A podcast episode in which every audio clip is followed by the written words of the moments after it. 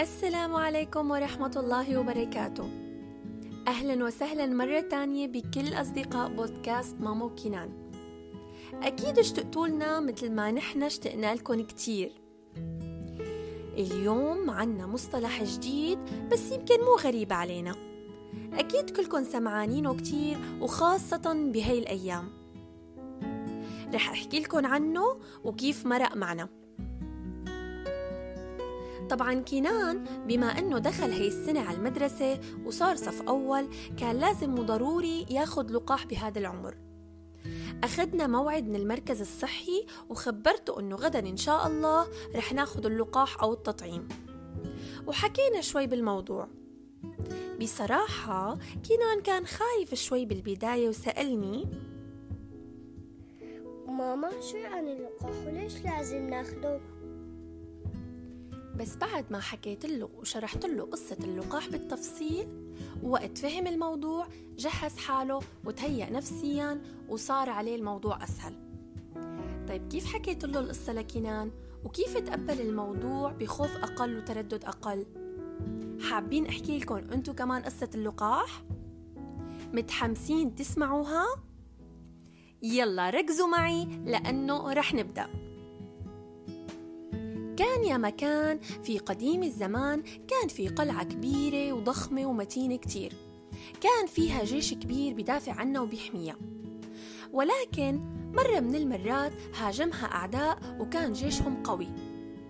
حاول جيش هاي القلعة الدفاع عنها والتصدي للأعداء ولكن للأسف كان الجيش الثاني أقوى بكثير وقدر إنه يحتل هي القلعة ويدخلوا عليها. وفي الجانب المقابل كان في قلعة تانية بتشبه كتير كتير القلعة اللي تدمرت.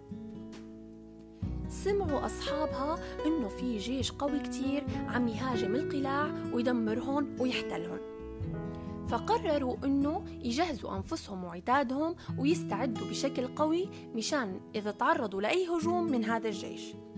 فكان لازم يتعرفوا على هذا الجيش بشكل مفصل يعرفوا شو أسباب قوته كيف ما عم يقدر ينهزم وكل خططه. فقرروا خطف جنديين من جنود هذا الجيش القوي حتى يتعرفوا على هي الأسباب. وبالفعل تمكنوا من خطف جنديين وأحضارهم إلى القلعة وقاموا بإخبارهم بكل أسرار وخطط ونقاط ضعف هذا الجيش. وبعد فترة قصيرة من الزمن هاجم الجيش القوي هذه القلعة ولكن الخبر الجميل أن القلعة وجيشها استطاعوا الصمود بقوة والدفاع عن أنفسهم لأنهم تعرفوا على كل خطط وأسرار هذا الجيش وقاموا بتجهيز أنفسهم حتى استطاعوا هزمه فترك هذا الجيش القلعة لأصحابها ورحل هل أعجبتكم قصة هذه القلعة؟ حبيتوها؟ أوه بس شو دخل القلعة والجيوش باللقاحات والتطعيمات؟ نحن كنا عم نحكي عن اللقاح طيب تماما هيك قصة اللقاح يا أصدقائي منذ قديم الزمان عرفت البشرية والإنسان الكثير من الأمراض والأوبئة والجراثيم والفيروسات التي كانت في ذلك الزمن بالفعل مؤذية وخطيرة ولكن مع تقدم العلم والطب وتطور بحوث العلماء والأطباء استطاعوا التوصل إلى حل للتخفيف من أضرار وآثار هذه الأوبئة الخطيرة وهو اللقاح. كيف؟ بنفس فكرة وأسلوب جيش القلعة التي استطاع الدفاع عنها وبقيت صامدة. طيب لهلأ ما فهمنا شو دخل القلعة والجيش بأجسامنا؟ فكرة أجسامنا يا أصدقائي مثل القلعة بالضبط. دائما تتعرض للهجوم من الفيروسات والجراثيم. وتحاول أجسامنا الدفاع عن أنفسها بتشكيل مناعة قوية تصد هذه الجراثيم والأمراض مثل الجيش تماما. فقد كانت هناك كثيرا من الأمراض القوية والخطيرة التي تستطيع تدمير الجهاز المناعي في جسم الإنسان أي تدمير الجيش الذي يدافع عن أجسامنا. فكان يجب على أجسامنا أن تقوم بمثل ما قام به أصحاب القلعة أي أن تتعرف أجسامنا على هذه الجراثيم والفيروسات وتقوم بتجهيز نفسها كما فعل جيش القلعة كي تتمكن من الدفاع عن نفسها بشكل قوي. فقام الأطباء والعلماء باقتراح فكرة اللقاح، وهو عبارة عن مستحضر دوائي أي دواء يحوي نفس الفيروس أو الجرثومة المسببة للمرض القوي والخطير ولكن تكون هذه الجرثومة أو الفيروس مخففين أو مميتين وتكون, وتكون أعراضهم خفيفة أو شبه معدومة كيف يتم إعطاؤها لجسم الإنسان؟ يتم إدخالها إلى جسم الإنسان عن طريق الإبرة أو إطعامه عن طريق الفم لماذا؟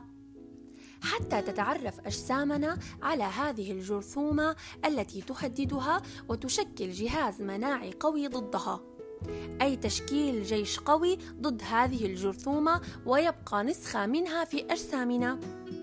وهكذا في حال تعرض الجسم إلى هذه الجرثومة القوية مجددا يكون جسم الإنسان قد تعرف عليها من قبل وشكل مناعة قوية للدفاع عن نفسه وبهذا يقاومها الجسم بسهولة أكبر. كلمة اللقاح في اللغة اللاتينية ذا فاكسن مشتقة من كلمة جدر البقر.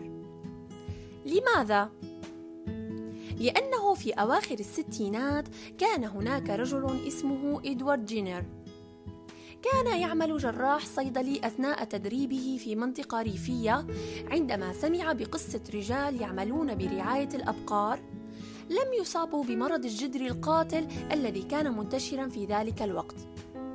لأنهم كانوا قد أصيبوا بمرض جدر البقر من قبل والذي له تأثير بسيط جدا على الإنسان. فقام باستخلاص قيح من يد فتاة كانت مصابة بجدر البقر لينقله إلى طفل آخر سليم.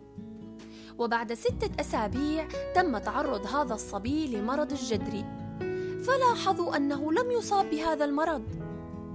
ومن هنا وسع جينر دراساته وأعلن عن لقاح آمن للأطفال والبالغين. ومع تطور العلم والطب شهدت اللقاحات تطورات واكتشافات جديدة وناجحة. وهكذا حتى أصبحت للقاحات هيبه عالمية ووضعت لها قوانين إلزامية.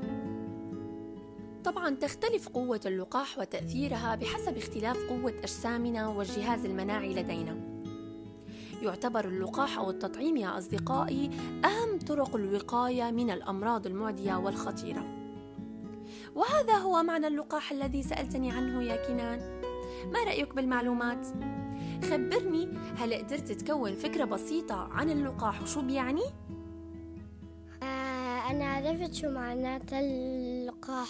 إن شاء الله يحمينا ويفيدنا. وأنا الحمد لله إنه في لقاح في حياتنا. وعرفت كثير معلومات اليوم. وتحمس كتير لشوف شي جديد. إن شاء الله أصدقائي تكونوا استفدتوا من هاي المعلومات وانت كمان شكرا إلك يا كينان اللي دائما بتلهمنا وبتعطينا أفكار جديدة. وانت ريان فهمت شو معنات كلمة لقاح؟ إيه. شو كانت كلمتنا اليوم؟ لقاح. وهيك بتكون خلصت قصة مصطلحنا لليوم. انتو كمان أصدقائنا اللي عنده أي مصطلح جديد وغريب مرق معه وحابب يتعرف عليه بالتفصيل يشاركنا ويرسلنا اسم المصطلح مع اسم الطفل اللي عم يسأل عنه. حلقتنا لليوم خلصت. بترككم بأمان الله وإلى اللقاء. مع السلامة.